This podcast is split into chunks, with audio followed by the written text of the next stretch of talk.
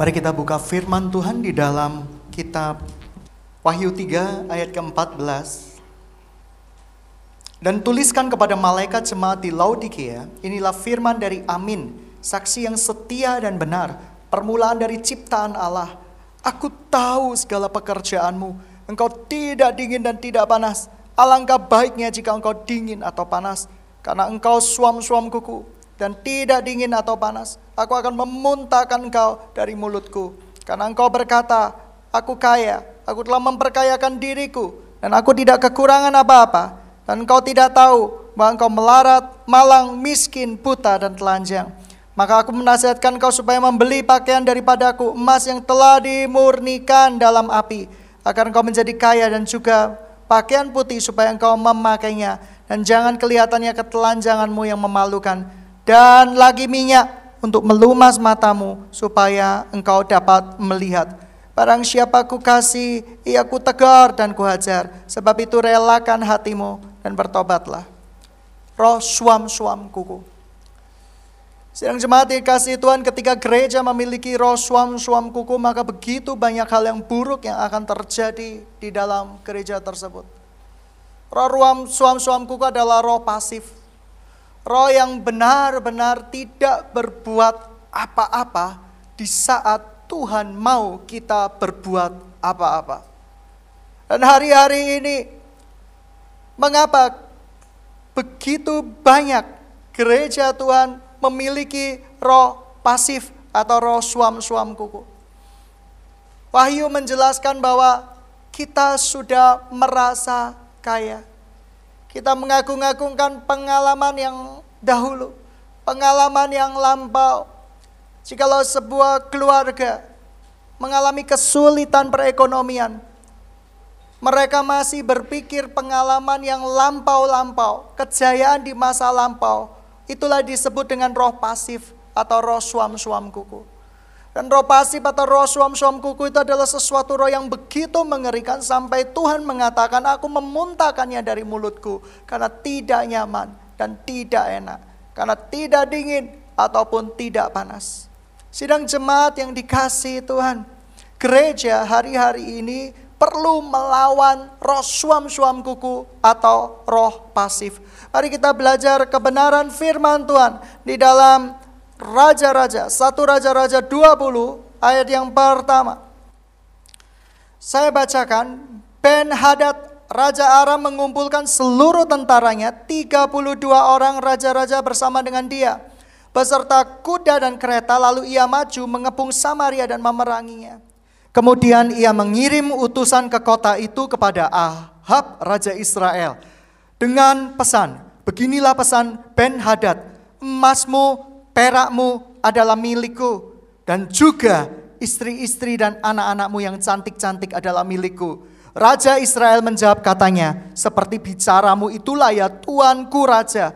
Aku ini dengan segala yang ada padaku adalah milikmu. Dan sesudah itu utusan-utusan itu kembali dan berkata, inilah pesan Ben Hadad, memang aku telah menyuruh orang kepadamu mengatakan emas, perak, dan istri, dan istri-istri dan anak-anakmu harus kuserahkan kepadaku. Sidang jemaat yang dikasih Tuhan, Ben Hadad seorang raja. Ia mengalami intimidasi yang luar biasa besarnya. Ia dikepung dan kepada Ahab, Raja Israel. Raja Israel berkata kepada Ben Hadad, istrimu, anak-anakmu, seluruh hartamu adalah milikku. Dan Anda tahu apa yang terjadi? Raja Ben Hadad tidak melakukan perlawanan sama sekali. Tidak melakukan perlawanan sama sekali itu disebut dengan roh suam-suam kuku. Roh pasif. Begitu banyak anak-anak Tuhan melihat satu perkara dan membiarkannya begitu saja. Membiarkan terjadi begitu saja. Itulah yang disebut dengan roh pasif. Mari kita belajar kebenaran firman Tuhan di dalam Yosua 18 ayat yang pertama. Maka berkumpullah segenap Israel di Silo. Lalu mereka menempatkan kemah pertemuan di sana dan negeri itu telah takluk kepada mereka.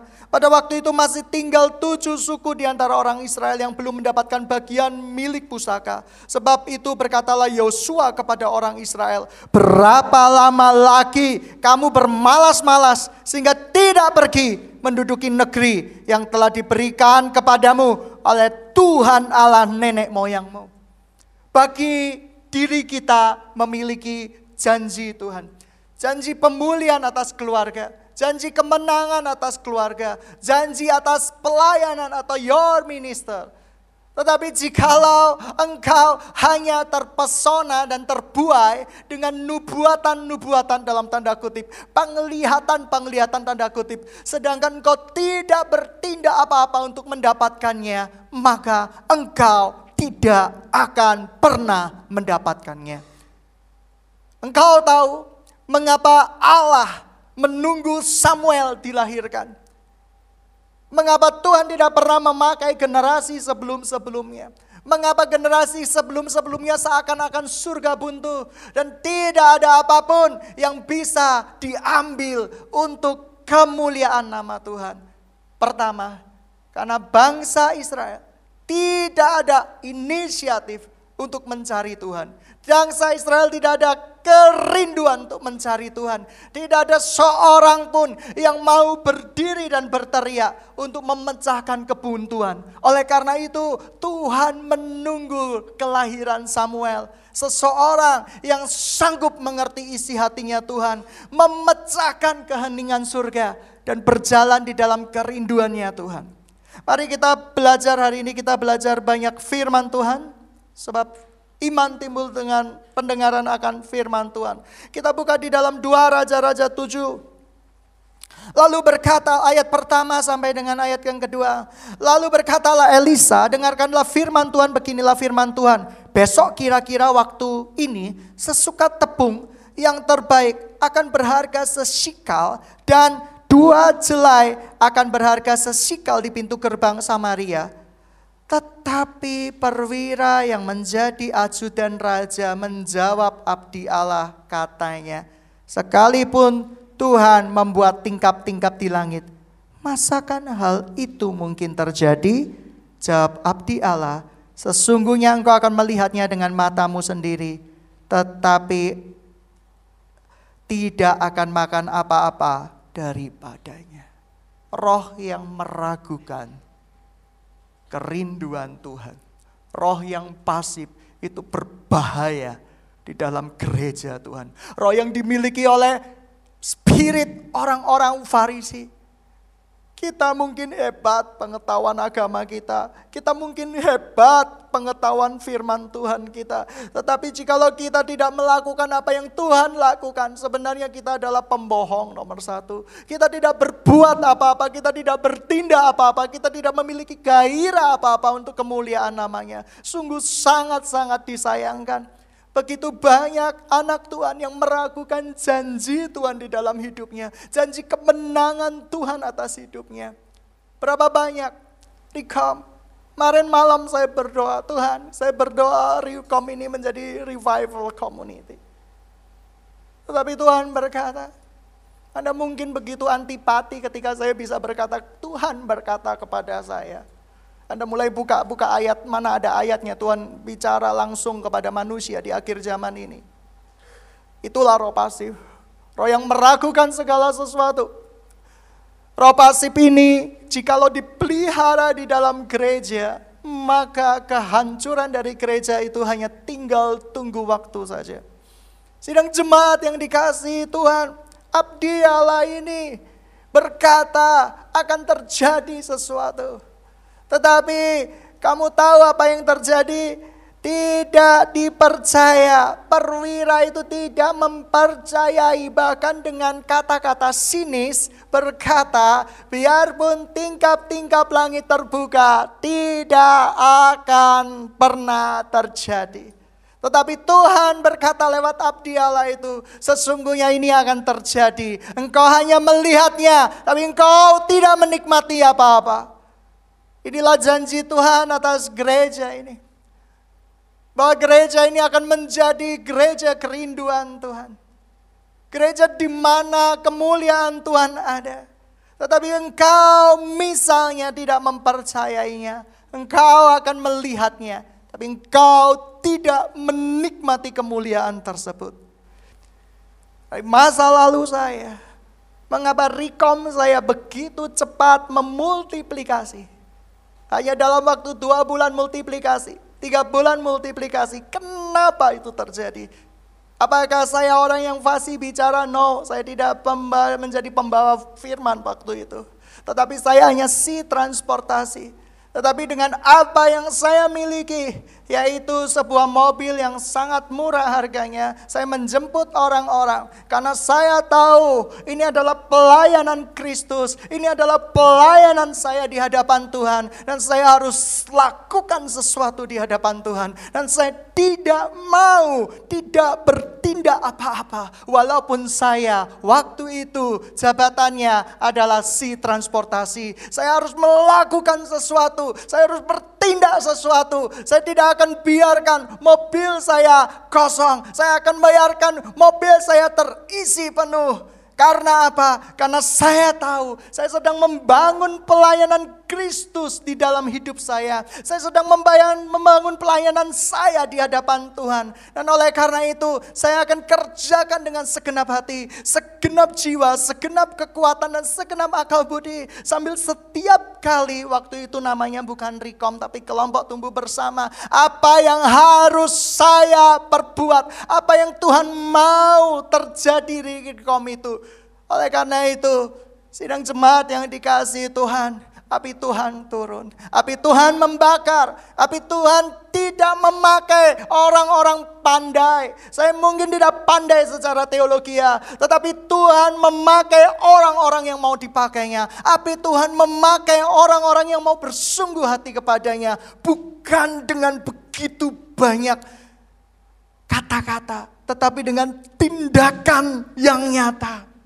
Sidang jemaat yang dikasih Tuhan, bukan untuk memuliakan nama pribadi, bukan untuk jalan-jalan. Jalan-jalan penting. Dulu setelah saya kelompok tumbuh bersama, saya pun berjalan-jalan. Saya berjalan kaki ke mana-mana. Dan kamu tahu apa yang terjadi? Saya begitu banyak memenangkan orang.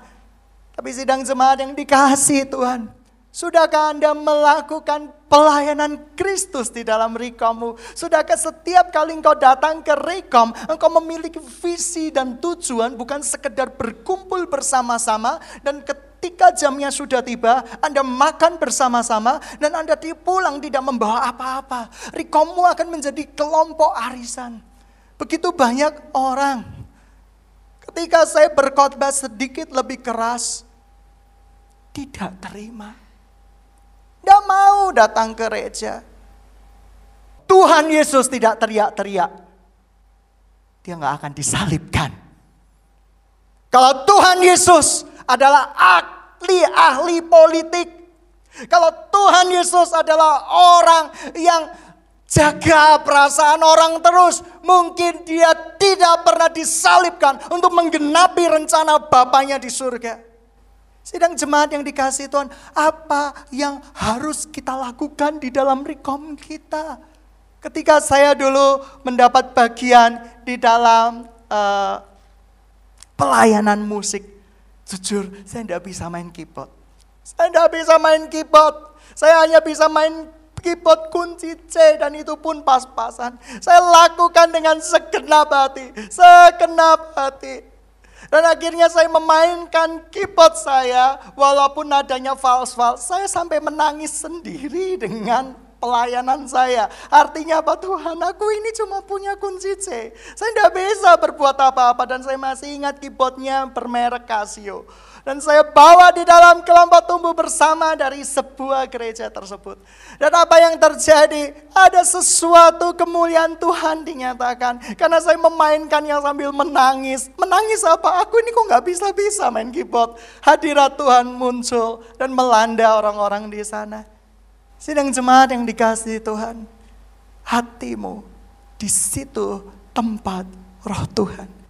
Jikalau hatimu tidak berkobar-kobar buat Tuhan, maka sesungguhnya kita sedang membuat Tuhan tidak diaktifkan di dalam hidup kita. Dan kita sedang melecehkan bait suci Tuhan melecehkan bait suci Tuhan bukan hanya dengan perbuatan-perbuatan dosa, tetapi bait suci Tuhan yang tidak ada puji-pujian, tidak ada penyembahan dan tidak ada pelayanan di dalam hidupmu. Sedang kita sebenarnya sudah melecehkan kerajaan Tuhan. Kita sudah melecehkan bait sucinya Tuhan. Sidang jemaat yang dikasih Tuhan. Hari-hari ini Tuhan berbicara banyak. Tidak boleh memiliki roh suam-suam kuku. Engkau akan mati. Percayalah. Cinta Tuhan itu seperti api. Seperti api yang memeteraikan di dalam hidup kita. Dan kau tidak bisa tahan dengan apinya Tuhan. Oleh karena itu, hari ini seperti perintah firman Tuhan di kitab Wahyu. Lumasi matamu dengan minyak Tuhan. Supaya engkau bisa melihat apa yang Tuhan mau lihat. Ladang pelayanan begitu besar. Enam tahun kami mendirikan sekolah.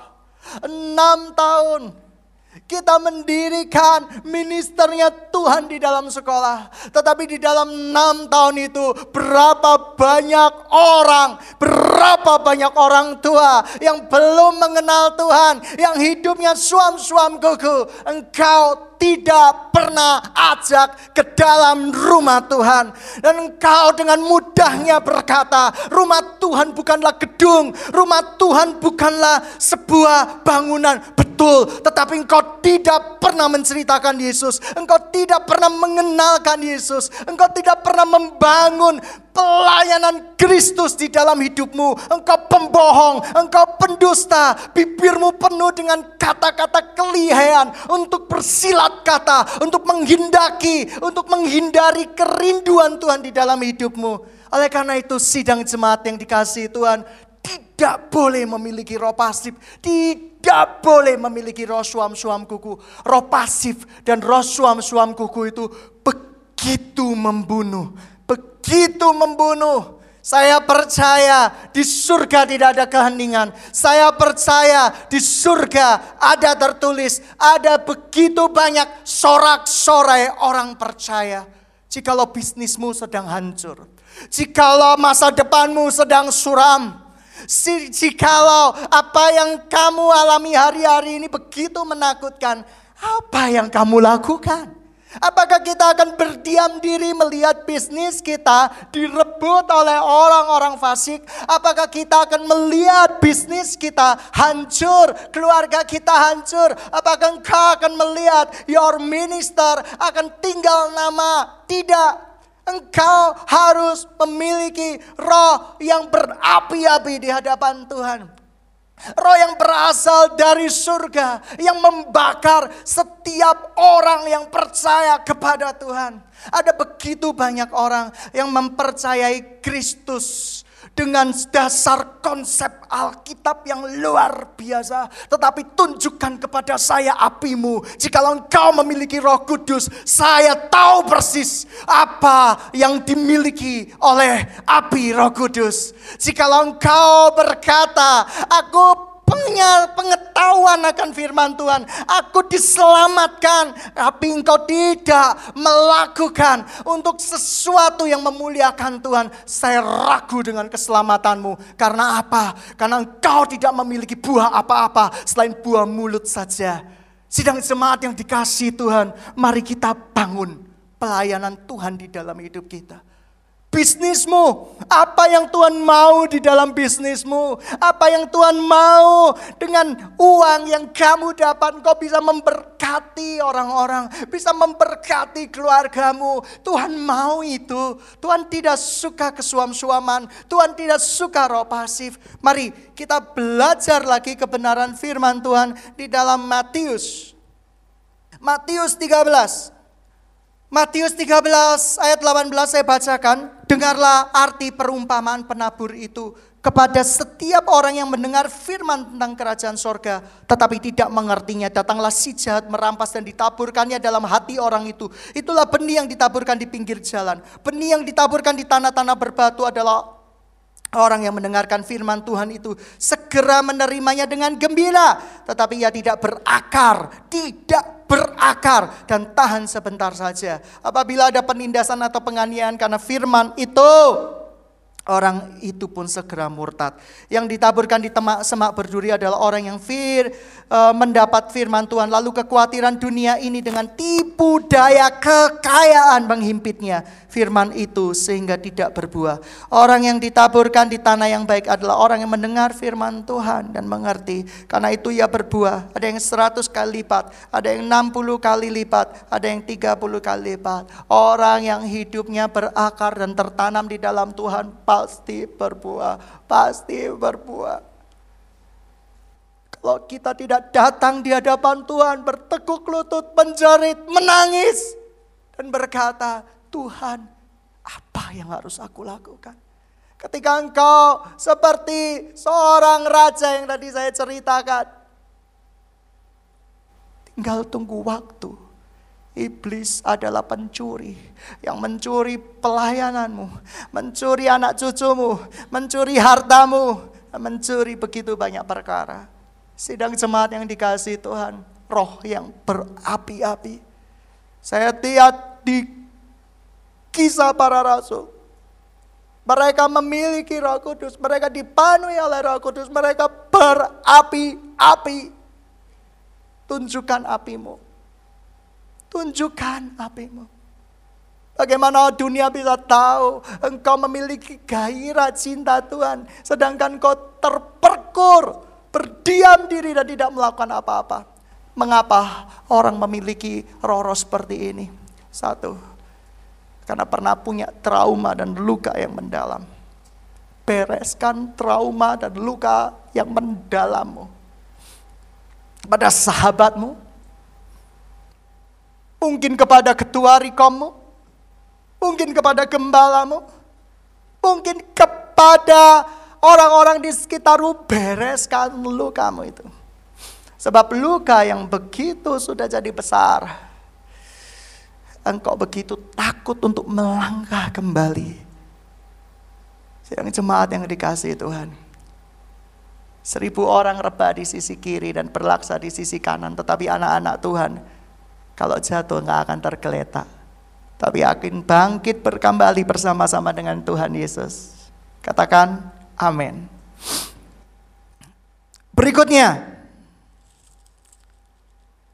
Matius 13:44 Hal kerajaan surga seumpama harta yang terpendam di ladang yang ditemukan orang lalu dipendamnya lagi oleh karena sukacitanya ia menjual segala miliknya lalu membeli ladang itu. Demikian pula dengan kerajaan surga seumpama pedagang yang mencari mutiara yang indah. Setelah ditemukan mutiara yang sangat berharga ia pun pergi dan menjual seluruh miliknya dan membeli mutiara itu. Sudahkah engkau melakukan? Yesus adalah mutiara yang paling berharga di dalam kehidupan kita. Sudahkah engkau memberikan seluruh hidupmu untuk kemuliaan nama Tuhan? Jikalau Yesus ada bersamamu hari ini, engkau akan melihat, ia akan menjangkau yang letih, lesu, berbeban berat yang terhilang. Ia tidak membangun mimpinya sendiri, kerajaannya sendiri, ambisinya sendiri, tidak. Tetapi dia akan mencari dan menyelamatkan yang terhilang. Dan jika engkau berkata, aku memiliki Tuhan dan roh kudus di dalam hidupmu. Tunjukkan kepada saya. Tunjukkan kepada dunia bahwa engkau sungguh-sungguh memiliki kasih Tuhan. Penyertaan Tuhan di dalam hidupmu. Janganlah engkau menjadi orang yang tidak bisa berbuat apa-apa. Hanya bisa berkata-kata. Kata-kata kita tidak akan memuliakan nama Tuhan tanpa diiringi tindakan yang nyata di dalam hidup kita. Ayat yang 11.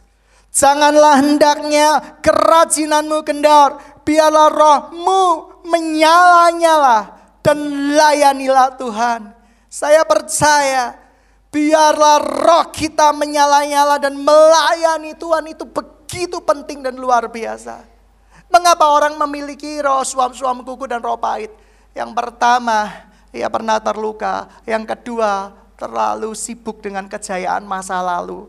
Bapak gue kaya, ibu gue kaya, kakek gue kaya, lalu nggak kaya apa-apa. Karena kita terlalu sibuk berpegang kakekku dulu seorang konglomerat. Lah kamu sangat melarat. Loh, tidak bisa seperti itu. Kejayaan masa lampau membuat kita terlena dan kita berkata kita akan baik-baik saja. Kita sedang mempersiapkan jalan untuk kedatangan Tuhan. Sidang jemaat yang dikasih Tuhan ketika engkau datang ke Rikom, engkau sedang membangun mimpi Tuhan bersamamu.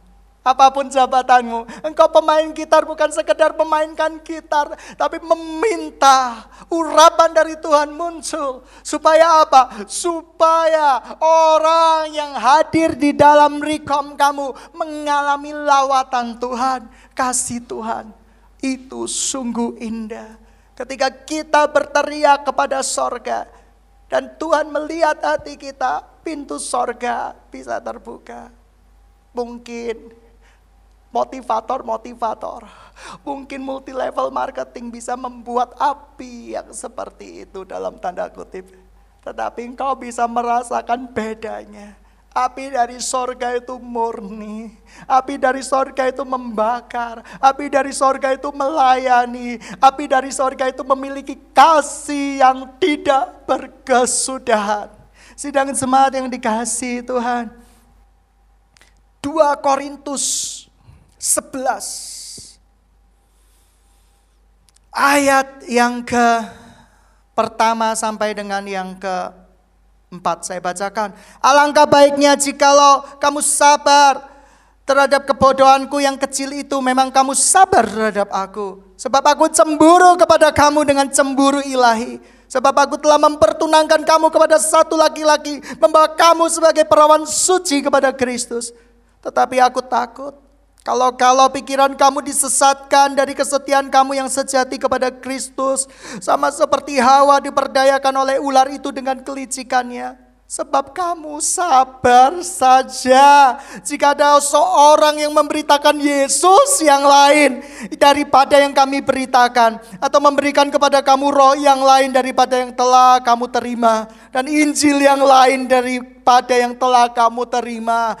Rasul Paulus mengecam jemaat Korintus Mengapa engkau begitu pasif dengan Yesus yang lain yang diberitakan, Injil yang lain diberitakan. Mereka menerima, mereka tidak melakukan perlawanan apa-apa. Tapi Rasul Paulus berkata, aku mencela engkau. Mengapa engkau demikian?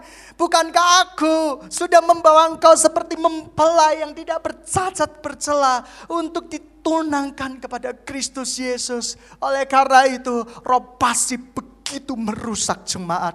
Roh yang saya sebut juga dengan roh suam-suam kuku itu begitu mengerikan. Roh yang tinggal tenang. William Booth, seorang pendiri bala keselamatan. Satu kali ia bermimpi dan mendapat sebuah vision dari Tuhan ia bermimpi. Ada samudra yang begitu luas. Ada kapal yang begitu besar begitu banyak kapal. Tiba-tiba ada hal lilintar dan suasana di tempat itu menjadi gelap dan pekat. Dan apa yang terjadi sidang jemaat yang dikasih Tuhan? Mereka semua jatuh ke laut mengerikan semua. Dan mereka berusaha untuk mencapai daratan. Dan ketika beberapa mencapai daratan, mereka tidak menolong sanak saudara mereka yang sedang berjuang di lautan yang ganas itu. Mereka dengan melenggang kangkung pergi, tidak melihat ke belakang, tidak menolong. Halilintar itu adalah peringatan dari Tuhan. Hari-hari ini, saudara kita, ayah kita, ibu kita, sedang yang belum percaya kepada Kristus Yesus yang sejati dari firman Tuhan, sedang menuju kepada perjalanan ke arah kebinasaan kekal. Betul yang dilihat oleh William Booth, pendiri bala keselamatan. Orang-orang tersebut memiliki roh yang tidak peduli. William Booth menangisinya. Bagaimana seorang tentara Kristus bisa memiliki hati yang tidak peduli. Orang Farisi, ada orang sakit di pinggir jalan, tidak peduli. Tidak peduli dia. Pokoknya ini hari sabat. Aku udah tahu kebenaran firman Tuhan. Kristen-Kristen Farisi. Itu akan terjadi jika kita tidak peduli. Tidak care each other. Tidak mau tahu permasalahan orang lain. Tidak mau tahu yang penting gue-gue lulu. Sidang jemaat yang dikasih Tuhan. William Booth berkata, dia butuh generasi yang peduli. Generasi yang benar-benar bisa menceritakan karya keselamatan Tuhan.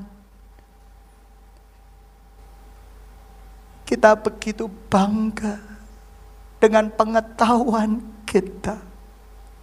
Tapi pengetahuan kita akan lenyap. Bahasa roh akan lenyap. Kasih yang tidak berkesudahan di dalam hidup kita. Apakah kau sudah memiliki kasih di dalam hidupmu? Kasih yang betul-betul memiliki kasih.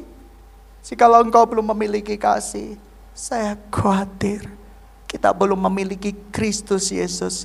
Sebab Kristus adalah kasih. Barang siapa tidak punya kasih, ya tidak memiliki Kristus. Kasih yang benar bukan kasih yang lu selama di kelompok gue, rekom gue, gue perhatikan. Hari ini, Sampai hari ini saya tetap berdoa buat orang-orang di luar gereja ini.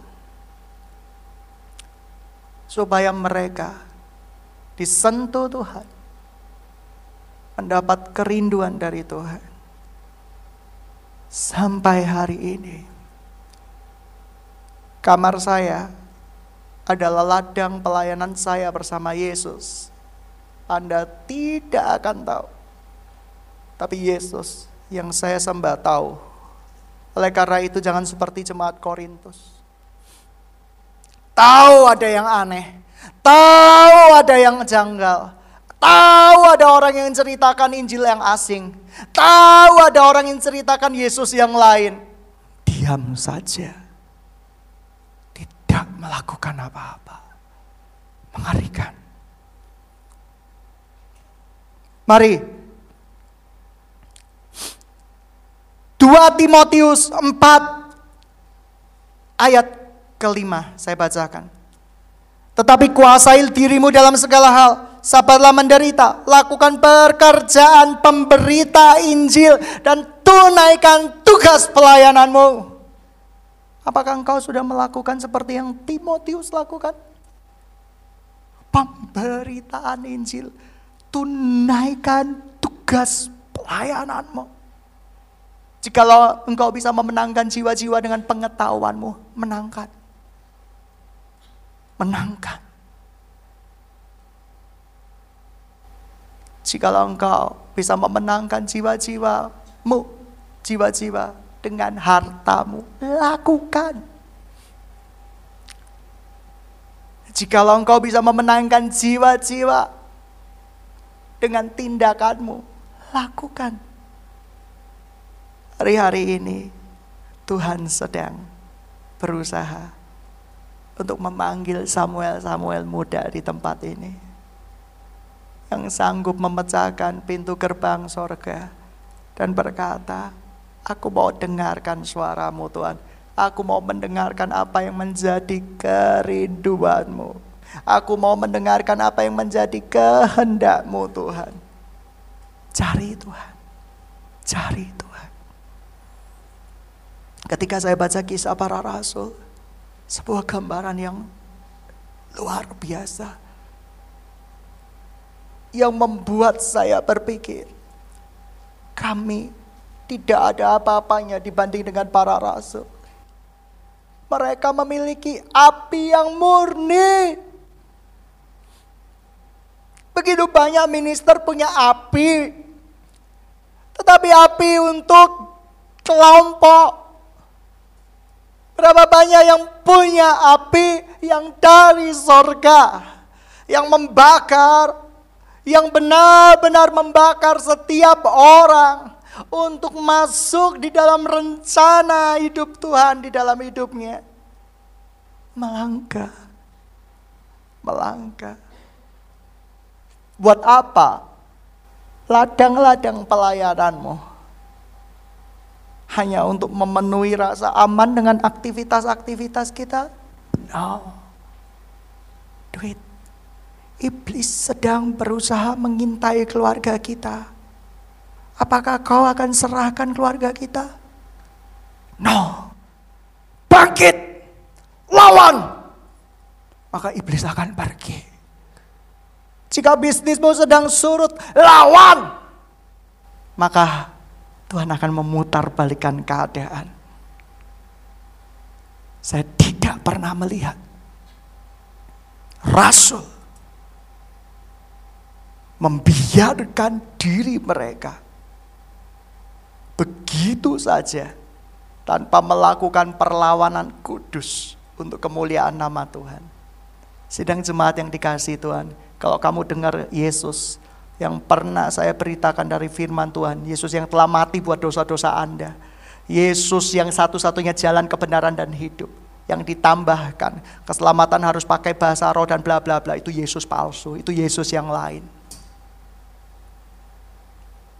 Karena Tuhan berkata, keselamatan hanya di dalam nama Yesus, titik. Bahasa roh itu karunia. Yang saya sudah jelaskan ada bahasa roh yang sebagai tanda orang percaya. Yes, saya percaya setiap orang percaya bisa berbahasa roh. Tapi manifestasi dari bahasa roh itu apa? Hatimu berdoa, rohmu itu sudah berdoa. Yang dimaksud di jemaat kisah para rasul itu yang berkata-kata di jemaat dan ada yang menerjemahkan itu adalah bahasa roh sebagai karunia dan tidak semua orang harus punya. Tapi saya percaya masih ada. Sidang jemaat yang dikasih Tuhan. Lawan. Jangan biarkan kasih yang salah membuat iblis bisa memasuki kehidupanmu. Anda tahu? Dari buahnya engkau bisa mengenal mereka. Hari-hari ini begitu banyak nabi-nabi palsu, pendoa-doa palsu yang mengatasnamakan Tuhan. Aku melihat, aku melihat. Tetapi engkau tidak melihat kasih Yesus di dalam hidupnya. Sidang jemaat yang dikasih Tuhan sayangi. Seperti engkau mengasihi Kristus, sayangi satu sama lain. Jangkau satu sama lain.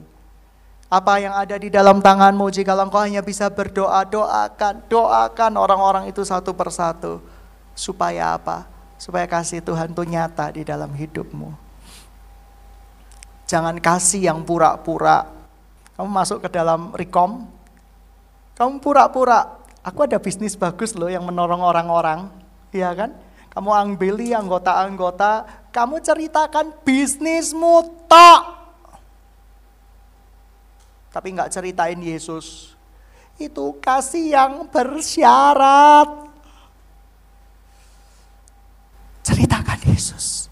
Ceritakan Yesus. Yesus bisa memberkati usahamu apa pun yang penting halal multi level marketing Tuhan bisa berkati bisnis dagang ala koko-koko jadul bisa diberkati Tuhan. Pelayananmu, pekerjaanmu jadi guru bisa diberkati Tuhan. Tetapi hatimu tetap murni men. Jangan maksud yang bersyarat. Kasih yang pura-pura. Tuhan tidak suka. Mari kita saling menopang. Dan saya percaya revival itu akan terjadi dengan sendirinya. Sidang jemaat yang dikasih Tuhan, Indonesia begitu banyak kasih Yesus yang lain. Sehingga teman-teman dengan kepercayaan yang lain tidak bisa percaya kepada Yesus kita. Kenapa? Karena begitu banyak teman-teman dari tempat lain yang menceritakan Injil Yesus yang lain yang mengalalkan segala cara yang menceritakan Yesus seperti ini, seperti itu, seperti itu. Akibatnya mereka berkata, kalau kami ikut Yesusmu, Yesusmu itu penipu. Loh, Yesus yang mana yang diceritakan? Yesus kami adalah Yesus yang bangkit di antara orang mati. Yesus yang Tuhan di atas segala Tuhan. Allah di atas segala Allah. Kau tidak bisa menceritakan Yesus. Kalau mereka nggak lihat Yesus di dalam hidupmu lebih mirip setan. Bangun telat, doa pagi molor. Kebangunan dimulai dari detik ini. Kerinduan Tuhan dimulai dari detik ini, hari ini. Engkau nangkepnya besok melakukan habis kamu. Gereja ini punya begitu banyak mimpi Tuhan. Lewat sekolah. Berapa banyak yang sudah kita jangkau? Berapa banyak orang tua murid yang benar-benar belum mengenal Kristus? Kamu jangkau. Yang mengenal Kristus Yesus yang lain kamu jangkau. Berapa tahun sekolah ini sudah berdiri? Buahnya apa? Oh enak kok, banyak muridnya, guru-gurunya sudah mulai bisa cicil rumah. Itu buahmu dewe. Buah mbok nikmat-nikmati dewe. Tapi buahnya buat orang lain apa? Enggak kan? Coba pikirkan. Rikamu berbuah enggak? Kalau enggak berbuah minta Tuhan tebang. Dan ketika ditebang, buahnya muncul. Mana apimu? Bukankah engkau adalah umat kesayangan Tuhan? Mana apimu? Atau engkau menjadi pengamat, iya itu Yesus palsu, itu Yesus yang lain. Tapi kamu tidak melakukan apa-apa. Jikalau Paulus tidak melakukan apa-apa, satu Korintus sudah jadi jemaat sesat. Buang roh pasif. Buang roh pasif di dalam hidupmu. Saya lihat ada orang-orang bermain bola, harusnya ada pemberitaan kebenaran firman Tuhan, tidak sekedar bermain bola. Dulu saya pernah rindu, ada klub ini, klub ini, klub ini untuk memuliakan nama Tuhan. Dan dibawa kemuliaan nama Tuhan. Godaan kita adalah membawanya untuk diri kita. Hati-hati. Dan yang berikutnya, sidang jemaat yang dikasih Tuhan. Siapa yang hari ini oleh karena pemberitaan firman Tuhan, kamu sadar, ya aku sudah punya roh pasif. Angkat tangan, jangan malu-malu. Uh, berarti yang tidak mengangkat tangan bangkit berdiri. Berarti kamu memiliki roh yang luar biasa, roh aktif. Amin. Saya punya roh pasif kita ditegur oleh firman Tuhan. Hari ini, tunaikan tugas pelayananmu. Tugasmu sebagai pemberita Injil. Saya mau mengakhiri pertandingan saya dengan baik dan benar. Betapa kehormatan bisa mati karena pemberitaan Injil. Nama kita akan tercatat di dalam kitab kehidupan. Baik sekali perbuatanmu, hai anakku. Engkau mati karena pemberitaan Injilku. Oh, luar biasa. Kalau baik sekali, jiwamu sudah diselamatkan, kamu mati karena kegemuan dan kolesterolmu. Aduh, saya tidak mau.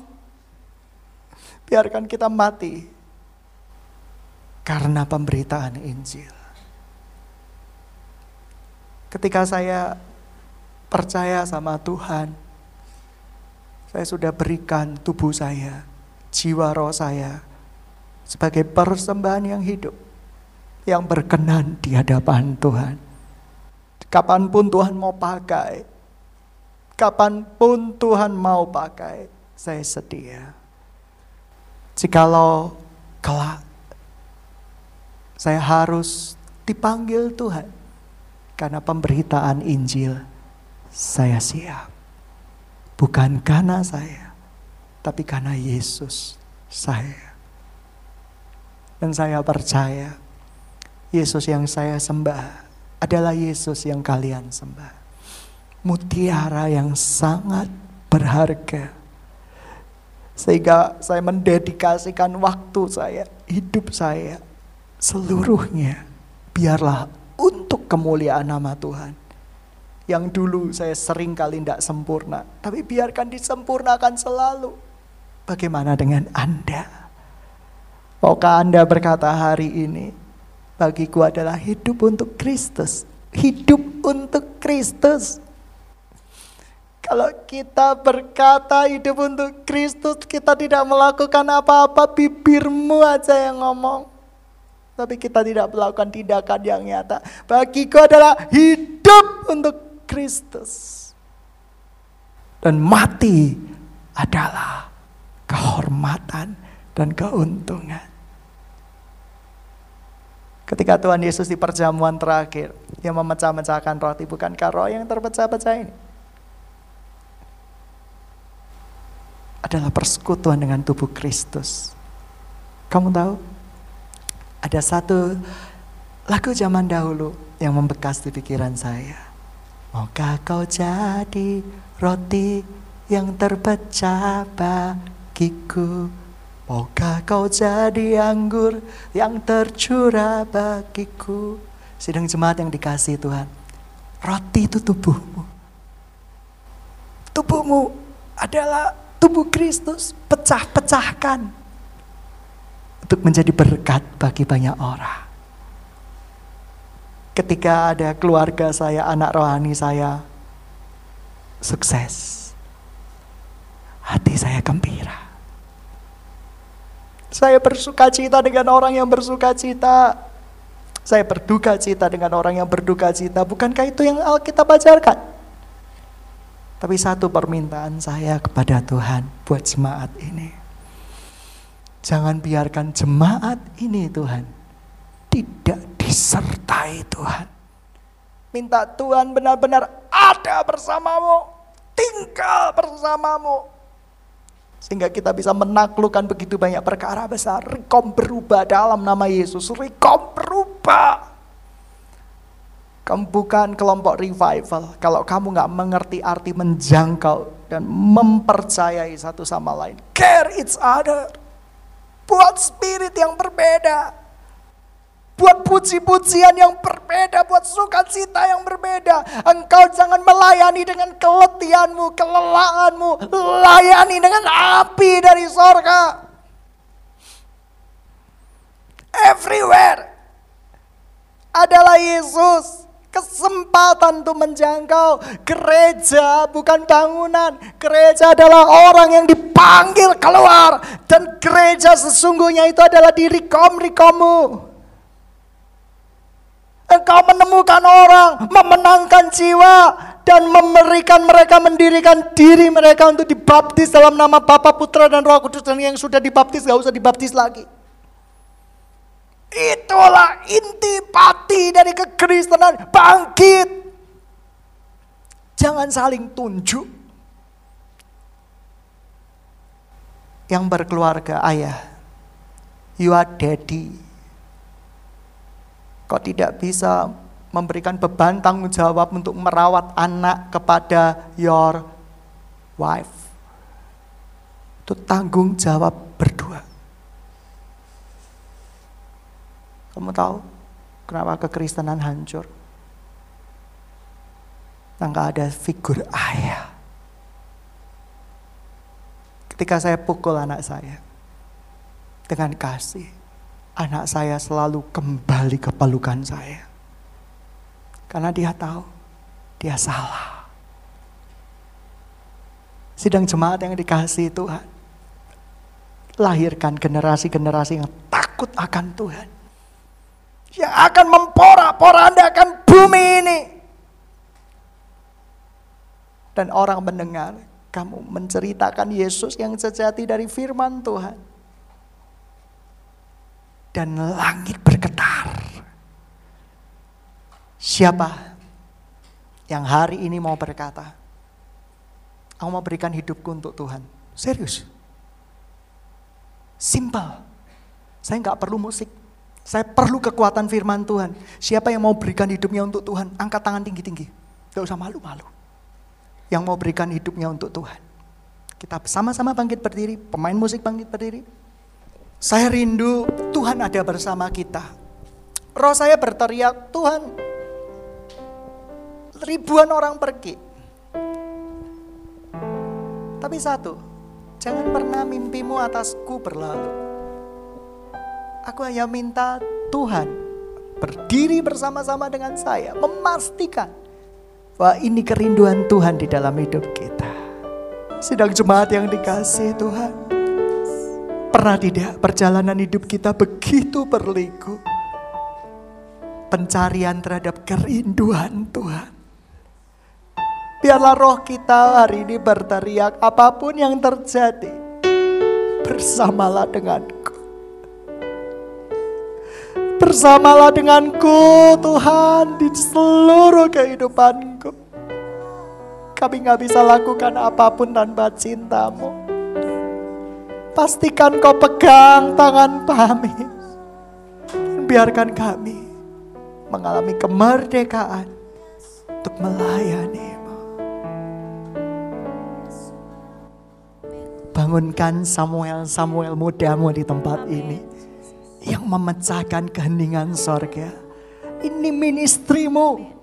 Ini pelayananmu di dalam Kristus Yesus. Bangun. Apa yang Tuhan suruh, lakukan. Tuhan suruh buat perusahaan, lakukan. Untuk kemuliaan nama Tuhan. Tuhan suruh buat pelayanan, lakukan. Lakukan. Sebab kesudahan segala sesuatu sudah hampir tiba. Percaya saja, percaya saja, percaya saja, ku percaya tertawa saja, tertawa saja tertawakan suara